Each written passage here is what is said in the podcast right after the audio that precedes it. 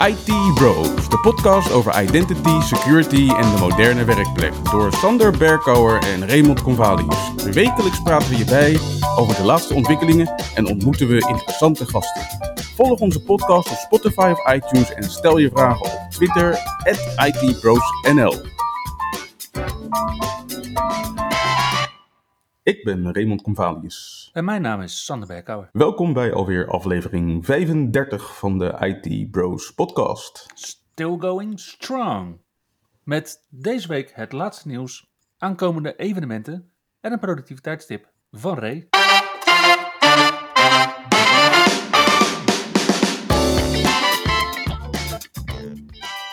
Microsoft heeft de afgelopen week weer mooi nieuws gepresenteerd als het gaat over de Microsoft Store.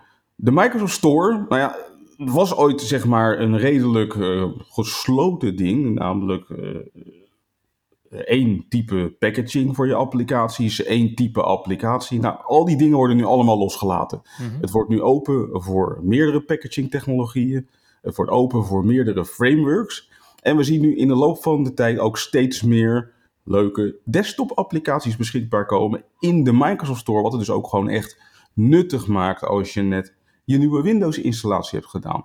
Zo zien we in Windows 11 een aantal leuke of interessante applicaties verschijnen. Zo is uh, Discord is, uh, onlangs verschenen. Zoom is onlangs verschenen. Music Maker, de VLC Player, TeamViewer, Acrobat Reader.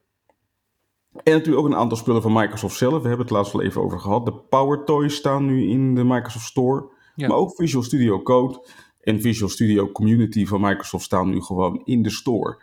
En als klap op de vuurpijl heeft Microsoft afgelopen week bekendgemaakt dat de store nu zeg maar een soort van shop-in-shop principe gaat uh, hanteren door third-party storefronts toe te laten. Dus binnenkort ook Amazon en Epic Games vanuit de Microsoft Store. En daar zal het niet bij blijven. Waarschijnlijk krijgen we binnenkort ook nog andere partijen die toegang krijgen tot de store op deze manier.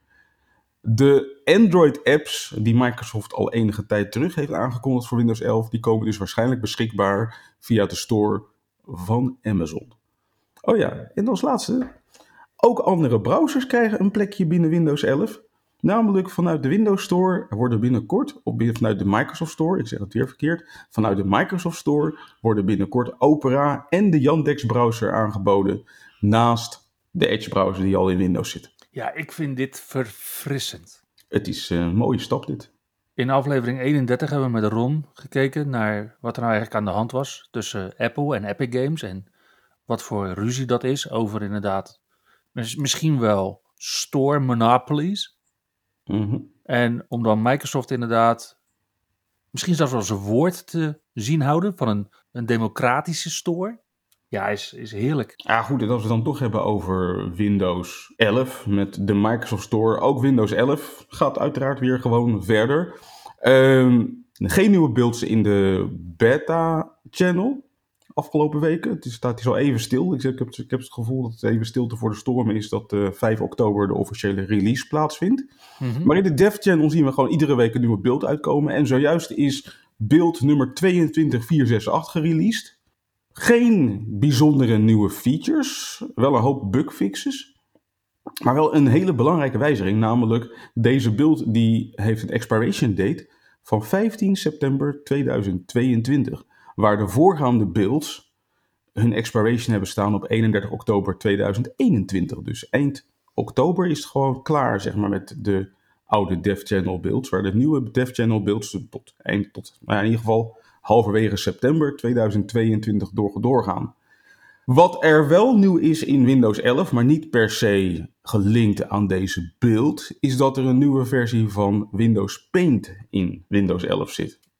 Nu ben ik zelf geen grote gebruiker van Windows Paint, maar ik zag wel dat Paint gewoon nu echt een hele mooie, frisse nieuwe interface heeft gekregen. Microsoft heeft hier uh, onder andere de Mica ontwerpstijl op losgelaten waarbij uh, de kleuren automatisch worden afgestemd op de achtergrondkleur van het venster. En er zit er echt een compleet nieuwe toolbar in. En uh, Microsoft heeft ook aangekondigd dat er binnenkort uh, dark mode beschikbaar komt voor Windows Paint. Hey Ray, we hebben dus nu een nieuwe dev beeld, maar geen nieuwe beta beeld. Terwijl we toch een vrij, tenminste, als ik jou zo hoor, vrij forse bug in zat. Ja, zit, als je het mij vraagt. Ik heb gisteren mijn eh, beta-beeld gereboot. Mhm. En na de reboot eindigde die met een logon screen waarin stond New User en tik je wachtwoord in. En ik kon niet kiezen voor een van mijn bestaande user accounts en hij logde ook niet automatisch in met mijn Face ID. Dus wat je eigenlijk zegt, is dat Windows 11 je voor noob uitmaakte.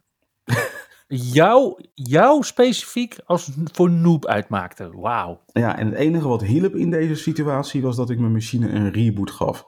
En volgens mij na de derde reboot logde die me opeens weer automatisch in met mijn Face ID en magically eindigde ik weer gewoon op mijn desktop. Raar. Ja, nou goed. Ik hoop dat ze deze bug eh, traceren en, en eruit halen. Heel snel. Ja, ja, zeker. Nou, niet alleen Microsoft brengt nieuwe versies uit en maakt hele mooie dingen. Ook Veeam heeft een nieuwe versie uitgebracht van zijn backup en replication product.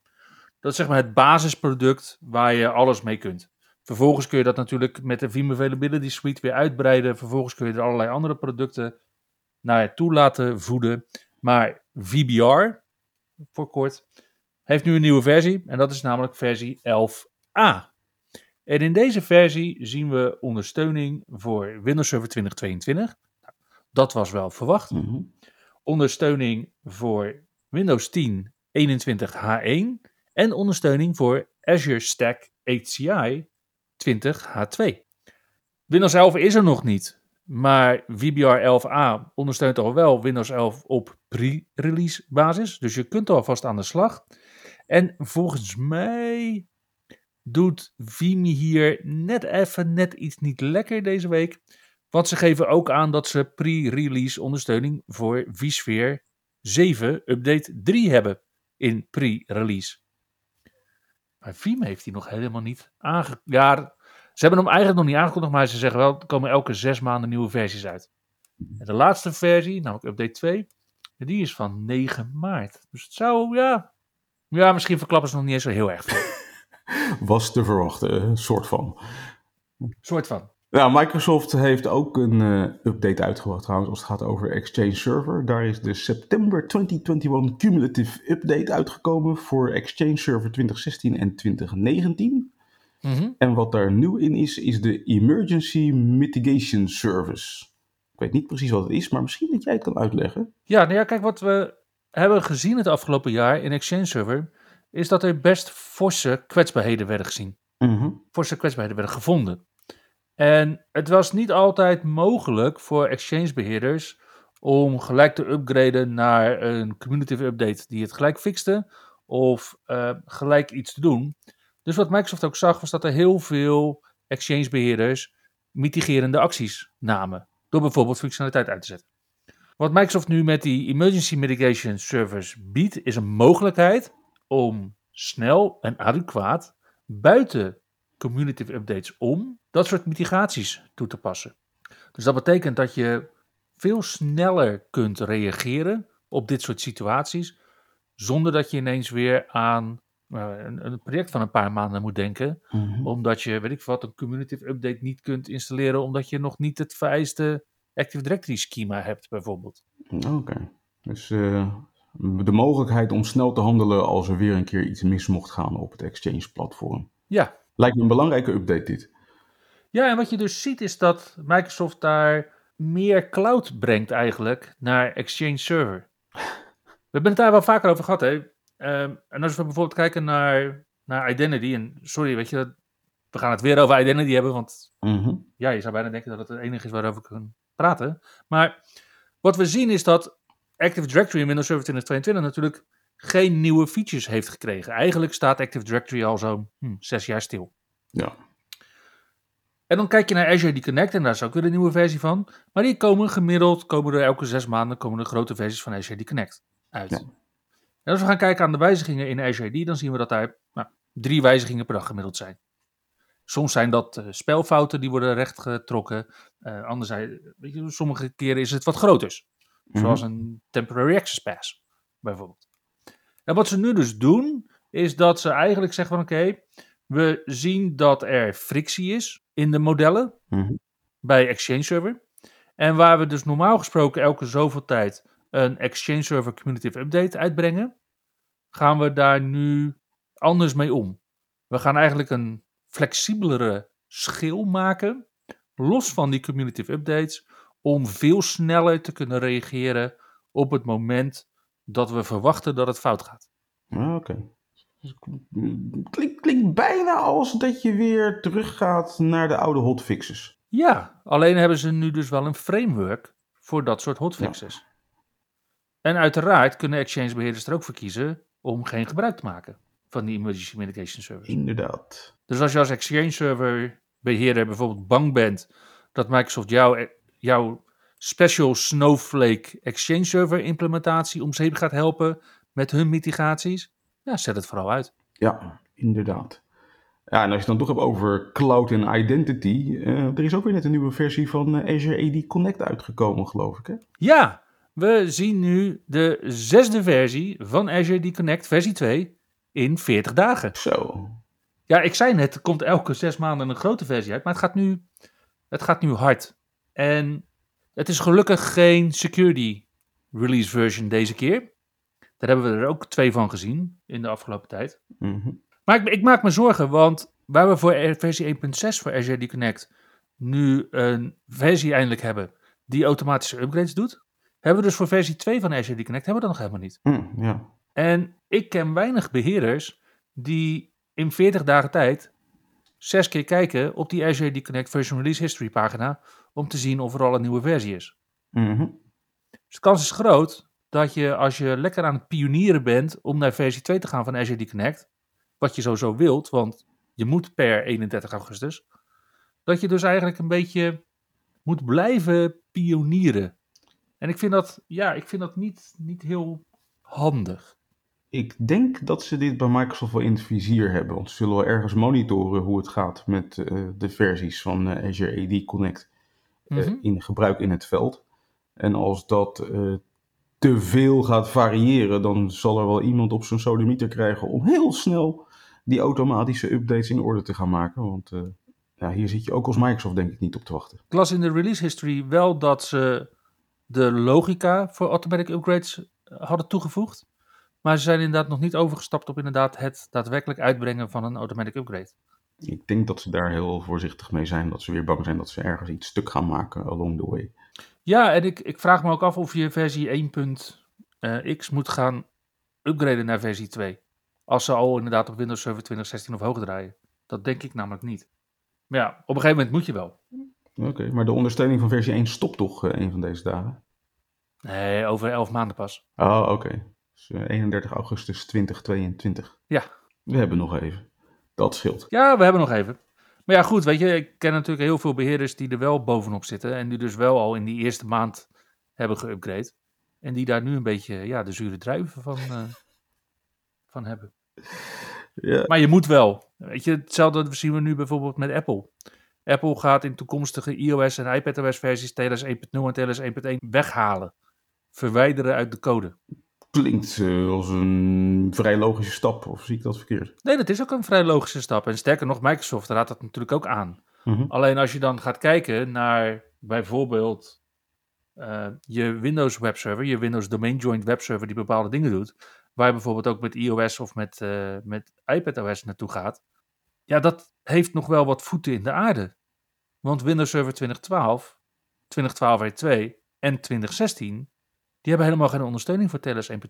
En TLS 1.3 is pas vorige maand toegevoegd aan Microsoft producten met Windows Server 2022 aan Microsoft Windows Server producten met Ja. Windows Server 2022. Maar wil je daarmee zeggen dat als Apple dit doet, dat ze helemaal niet meer kunnen connecten naar die Windows Server 2012 R2 servers of Windows Server 2016 servers? Dat klopt. Ja, het grootste probleem is denk ik nog. Is de, kijk, het grootste probleem hier is denk ik niet dat beheerders deze wijziging niet zien. Het grootste probleem wat ik zie als consultant is dat we ergens binnenkomen om inderdaad een ADFS-farm die ineens niet meer gebruikt kan worden vanaf iPhones. Of een, een Azure D Connect servertje te upgraden. En vervolgens een project moeten gaan starten wat meerdere maanden duurt om overal TLS 1.2 aan te zetten. Dat daadwerkelijk goed te checken, om daarna pas TLS 1.0 en TLS 1.1 uit te schakelen. Want als je het doet op je ADFS-server, die ADFS-server die praat tegen domain controllers. Mhm. Praten jouw domain controllers geen TLS 1.2, ja, dan kan je niet meer praten vanaf je ADFS-server naar je domain controllers. Dus daar zet je TLS 1.2 aan.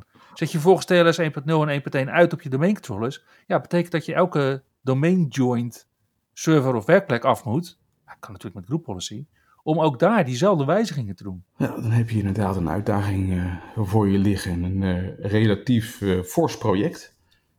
Om even in te springen op dit dingetje van Apple. Weet je ook in welke versies van iOS en macOS Apple dit gaat doen? Nee, maar ik denk dat we nog wel wat tijd hebben. Maar ik verwacht wel dat er heel veel beheerders zijn die dit gewoon nog niet op het netvlies hebben. Oké, okay, dan is dit even een wake-up call aan de beheerders. Nou ja, your friendly reminder dat uh, dit misschien wel handig is om aan te beginnen, ja. Inderdaad. Ja, en als we het dan hebben over uh, verouderde protocollen. Ja, we hebben nog zo'n verouderd uh, authenticatieprotocol. Dat noemen we Basic Authentication en soms ook wel Legacy Authentication. Mm -hmm. Microsoft had al aangekondigd dat ze ermee gingen stoppen online. Hè? Voor hun Microsoft 365 gerelateerde services en met name Exchange Online. Ze zouden het eerst uitzetten, gewoon geforst ergens uh, in 2020, maar toen kwam corona. En hebben ze gezegd van oké, dat gaan we nog even niet doen. Dus wat we nu gaan doen is dat we het uitzetten voor die gebruikers en die tenants waar die nu gewoon ook geen basic authentication doen.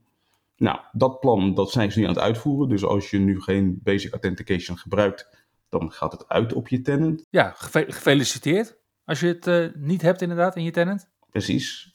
Ik denk niet dat dat voor heel veel tenants geldt. Maar het gevolg is dus inderdaad dat basic authentication blijft. En dat is ook gewoon uh, voor Microsoft wel een, een, pijnlijk gegeven. Dus ze hebben nu het initiatief opnieuw opgestart. En ze hebben gezegd, luister eens, vanaf 1 oktober 2022 gaat basic authentication gewoon definitief uit. En vanaf 1 januari, of eigenlijk vanaf begin 2022, hebben we een verrassing voor jullie. Wat ze dan namelijk gaan doen, is dat ze als een, ja, ik denk een soort van ambush action, denk ik, vind ik, vind ik het. Maar wat ze gaan doen, is dat ze gaan uh, basic authentication op random tenants voor 12 tot 48 uur uitzetten. Alleen niet voor SMTP-authenticatie. En daarmee veroorzaken ze eigenlijk een soort van uh, ja, tijdelijke verstoring in je tenant, waarbij clients vriendelijk worden verzocht om opnieuw in te loggen op hun mail, om vervolgens met modern authentication verder te gaan. Ja, in ontwerpen lees ik uh, soms nog wel eens de ironische spelfout, waarbij mensen het een verrassing noemen en het dan opschrijven als verassing. Als we het over dit onderwerp hebben, keur ik het goed. Ray, ik hoor je zeggen dat Microsoft daar dus mee gaat beginnen. Ik heb al meerdere kratjes bier ingezet dat dat ook weer gaat wijzigen.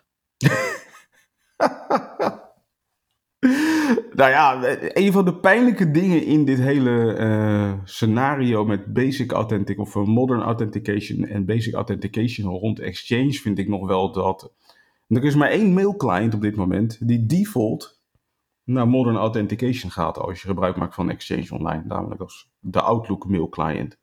Mits je in je tenant, als het een oude tenant is, dat vinkje hebt aangezet in het admin center, ja? Ja. Maar alle andere mail clients die doen dus nog gewoon basic authentication. En als Microsoft dus zo'n uh, verrassingsactie doet volgend jaar, betekent dus dat iedere client die niet de Outlook client is, er voor 12 tot 48 uur gewoon mee stopt. En dat is een wake-up call. We gaan het zien.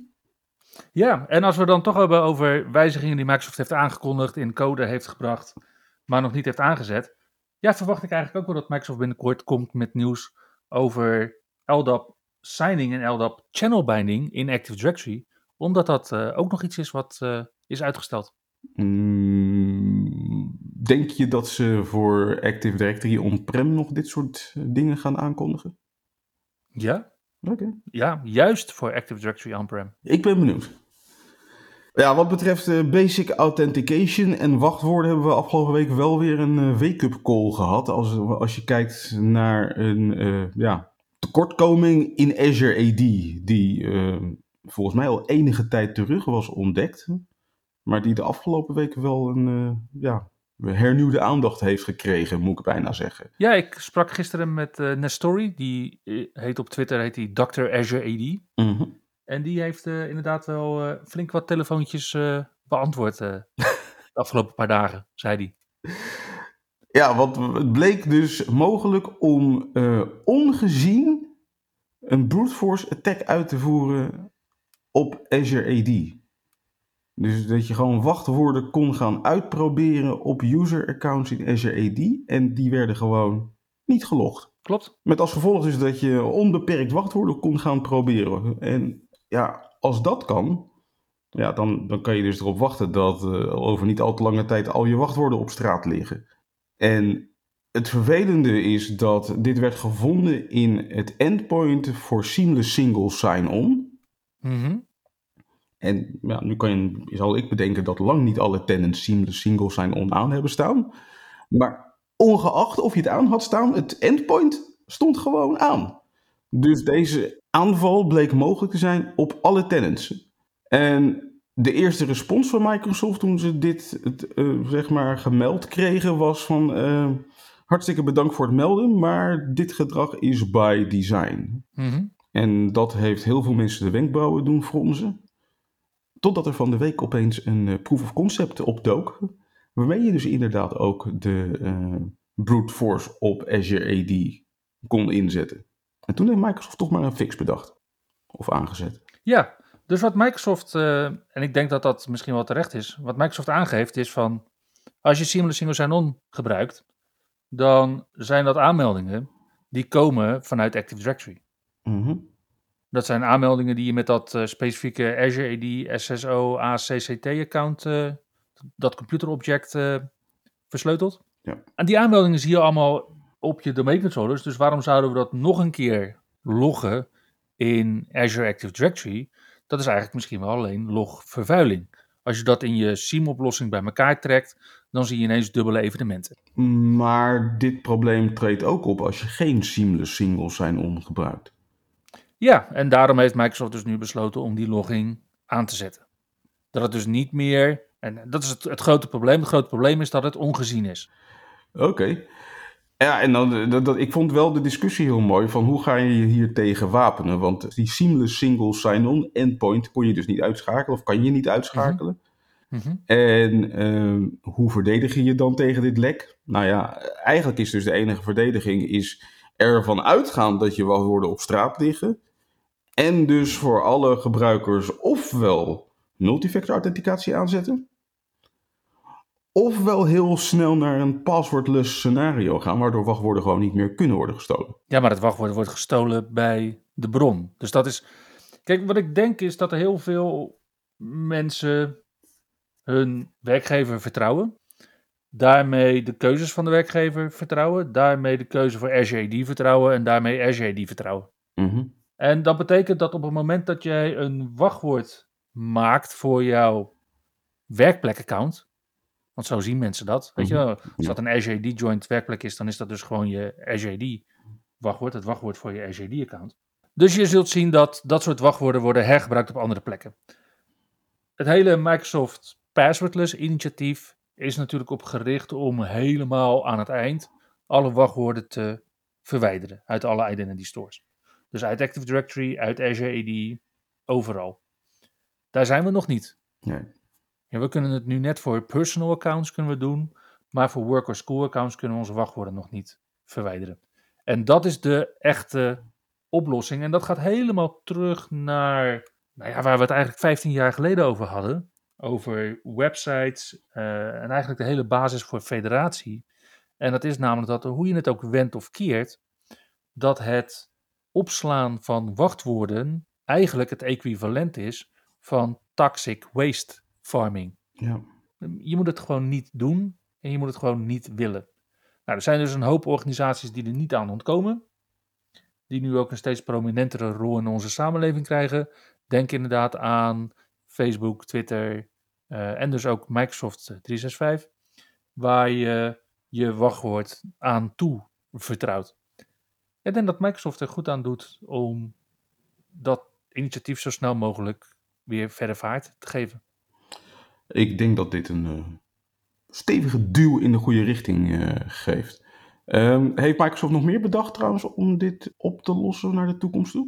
Nou, wat ik uh, hoorde is dat Microsoft ook werkt aan een, een switch, een toggle, om die seamless single sign-on endpoints uit te schakelen. Ah, okay. Eigenlijk wat ze ook recent hebben gedaan in Azure AD Connect, waarbij je dus um, de functionaliteit voor softmatching kunt uitschakelen. Wat is softmatching? In Azure AD Connect vindt softmatching plaats.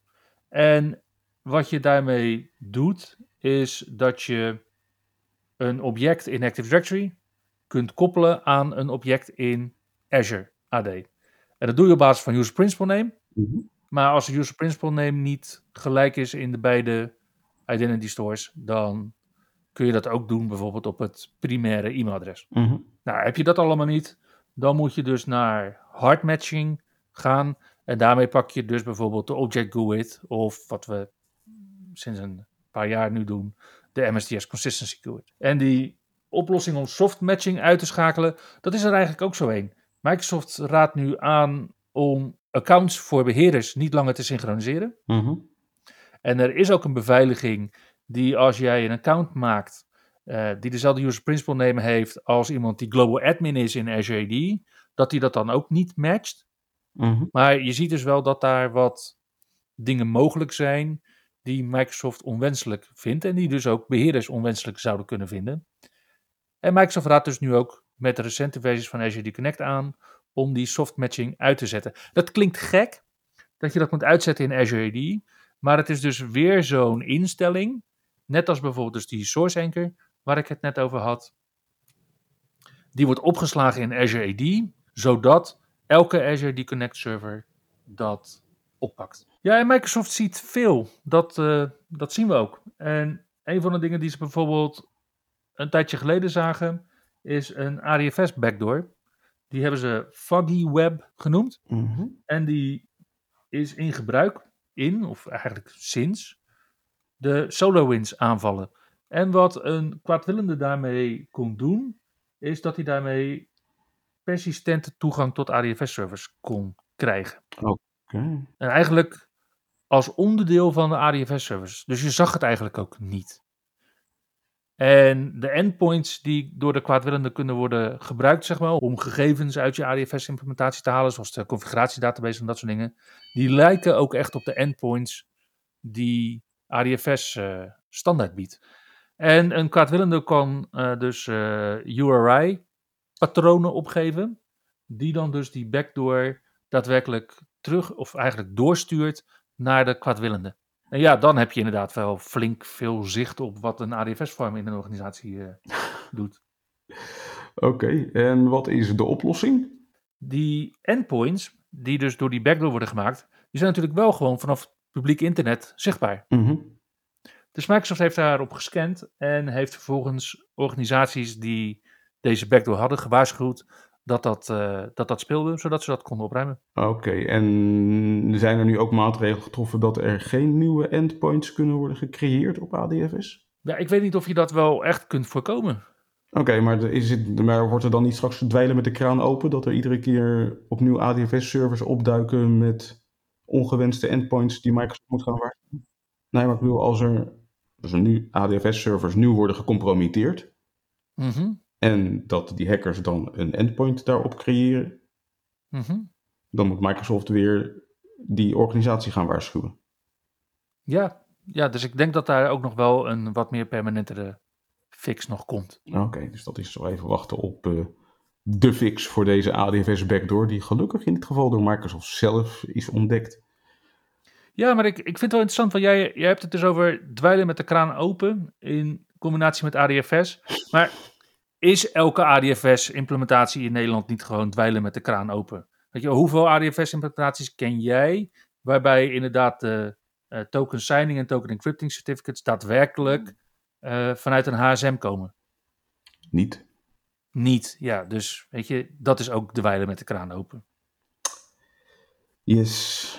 Nou ja, wat ook uh, dweilen met de kraan open lijkt, zo langzamerhand dit jaar, is het fixen van uh, zero-day-lekken in Google Chrome. We hadden het er laatst al over dat het tiende zero-day-lek was uh, ontdekt dit jaar. Mm -hmm. Nou, ze zijn, inmiddels zijn ze alweer bij nummer 12. We hebben nummer 11 volgens mij ergens gemist. Wauw. Oké, okay, en wat, uh, wat kunnen kwaadwillenden met, met deze? Dit keer gaat het over een bug in de Portals API. En die Portals API die maakt het mogelijk om een pagina in een andere pagina te tonen en een transitie te maken naar een nieuwe status van die pagina. En ja, daar zit dus een bug in, die is onderkend als eh, CVE 2021-37973. En het advies is nu om eh, te upgraden. En dat betekent dat je moet upgraden naar de laatste versie van uh, versie 94 van de Chrome browser, of moet ik zeggen van Chromium. Want deze bug is zowel ontdekt in Chrome, Google Chrome, als in Microsoft Edge. Dus uh, moet je Google Chrome upgraden naar 94.0.4606 of Microsoft Edge naar 94.0.992. En daarmee heb je jezelf in ieder geval van deze zero day verlost. En daarmee komen we ook aan het einde van het nieuws.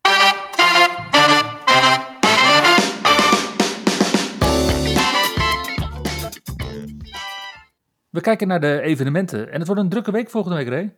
Absoluut. Volgens mij uh, begint het zo een beetje met de lancering van uh, Windows 11 komende week en Office 2021. Microsoft heeft daar een, een gunstig tijdstip gekozen. 11 uur s ochtends inderdaad, Eastern Time. En daarmee is het een evenement wat inderdaad uh, vooraf gaat aan heel veel andere evenementen. Die ook op dinsdag starten. Tja. We hebben ook een, uh, een Better Together tussen Azure Defender en Microsoft 365 Defender webinar op 5 oktober. Maar 5 oktober begint ook VMware's VMworld. Mm -hmm. En dat zijn uh, drie dagen, dinsdag, woensdag en donderdag. Drie tijdzone pakketten. Dus je kunt uh, kiezen of je vroeg je bed uit wil of juist lekker wilt uitslapen als je, als je VMworld volgt. Ik heb helaas die luxe niet, want ik presenteer een sessie en dat betekent dus dat ik drie keer mag gaan presenteren. Waarvan één keer heel vroeg. Oké. Okay. Leuk. Wat worden de onderwerpen van je presentatie? Nou, het is drie keer dezelfde presentatie. En ik laat samen met uh, Deji Akamolave van VMware en Matt Liebowitz van Dell zien hoe je het beste domeincontrollers kunt virtualiseren bovenop VMware vSphere. Very interesting. Dus uh, drie dagen VMworld volgende week. Op woensdag 6 oktober uh, gaat Microsoft weer verder met de full security sessies. En deze keer is het een sessie over Azure Sentinel. En die heet Turbocharting ASIM. Making sure normalization helps performance rather than impacting it. En deze sessie begint ochtends om 8 uur in uh, de Pacific Time Zone. Dus dat is om 5 uur s middags bij ons. En wordt uh, virtueel georganiseerd. Op diezelfde dag, een uur later, namelijk om 9 uur Pacific Time, gaat Microsoft uh, gewoon keihard verder. Maar dan deze keer in de Microsoft 365 Security Series. En dan presenteert Daniel Nine over Microsoft Defender for Identity. En de sessie heet Microsoft Defender for Identity's Latest Detection Capabilities. Ja, en ik zei het al, het wordt druk. Want op 6 oktober en 7 oktober hebben we de Microsoft Identity and Security Summit. Een virtuele summit van twee dagen. Op 6 oktober hebben ze een Identity and Access focus. En op 7 oktober een Security and Compliance focus. En daar staan echt goede sessies tussen. Ik vind het een hele interessante summit om te, te bekijken. En ja, je kunt, omdat het virtueel is, gewoon lekker cherrypicken. Ja, inderdaad. Dus dat uh, doen we dan ook, hè? Ja, en daarmee is de koek nog niet eens op, want ook op 7 oktober, en dan uh, deze keer vanaf 8 uur Pacific Time, dus 5 uur middags bij ons, gaat Microsoft ook gewoon verder met de Full Security Series. En deze keer is Andrew Jenks aan de beurt, die een sessie heeft over Cybersecurity Fundamentals. En de titel daarvan is Combating Manipulated Media, Media Provenance. Gaaf. Ja, dat is dus om 8 uur Pacific Time, dus 5 uur bij ons op 7 oktober. En je kunt ook van kwart over 6 tot 9 aanschuiven bij de Azure Thursdays. Die hebben een virtuele meetup. De vorige keer hadden ze een eh, mix, virtueel en fysiek, met een eh, bezoek aan een eh, bioscoop in de regio Utrecht. Voor 60 mensen, dus dat was wel leuk. Nu is het weer helemaal virtueel. Arjen Nieuwenhuis presenteert een sessie over keeping tracks of all your apps. Marie Lag Dimatulak presenteert over Apply Message Brokering and Event-Driven Architecture on Azure. En John Papa presenteert een sessie over Publish Your Web App with Skill and Security. Ja, en er was afgelopen week wel een hele leuke event-aankondiging die, we, die iets verderop ligt in oktober, maar die we toch alvast wilden benoemen. Namelijk SIS Internals bestaat 25 jaar. En daaromheen heeft onze vriend, zou ik bijna zeggen, Mark Ruzinovic, een feestje georganiseerd. Namelijk een event van een hele dag. Waarin onder andere Mark Ruzinovic uiteraard eh, gaat presenteren. Maar ook uh, een aantal andere bekenden, waaronder onze Finse collega Sami Laiho. Inmiddels ex-Microsoft-medewerker uh, Aaron Margosis. Mm -hmm. En zij gaan het onder andere hebben over uiteraard de bekende tools uit de SIS Internal Suite. Dus dingen zoals uh, Process Explorer, Process Monitor, Sysmon, Autoruns, Process Dump. En er komen ook een aantal nieuwe ontwikkelingen rond SIS internals aan de orde, zoals SIS internals voor Linux. Dus, uh... Ja, daar, daar hoor je inderdaad uh, steeds meer over. Ja, en ik vind het belangrijk om deze inderdaad al wel deze week te noemen, want hoewel dit een virtueel evenement is, zie je toch ook dat virtuele evenementen niet onbeperkt zijn. Nope. Het gerucht voor VMware's VMworld gaat dat er 100.000 mensen zich hebben ingeschreven. Ik weet niet precies wat voor technologie er voor het 25 jaar feestje van Sys Tunnels worden gebruikt. Maar ik verwacht dat dit een heel populair evenement is. En ik raad eigenlijk al aan om deze week in te schrijven. Lijkt me een hele goede tip.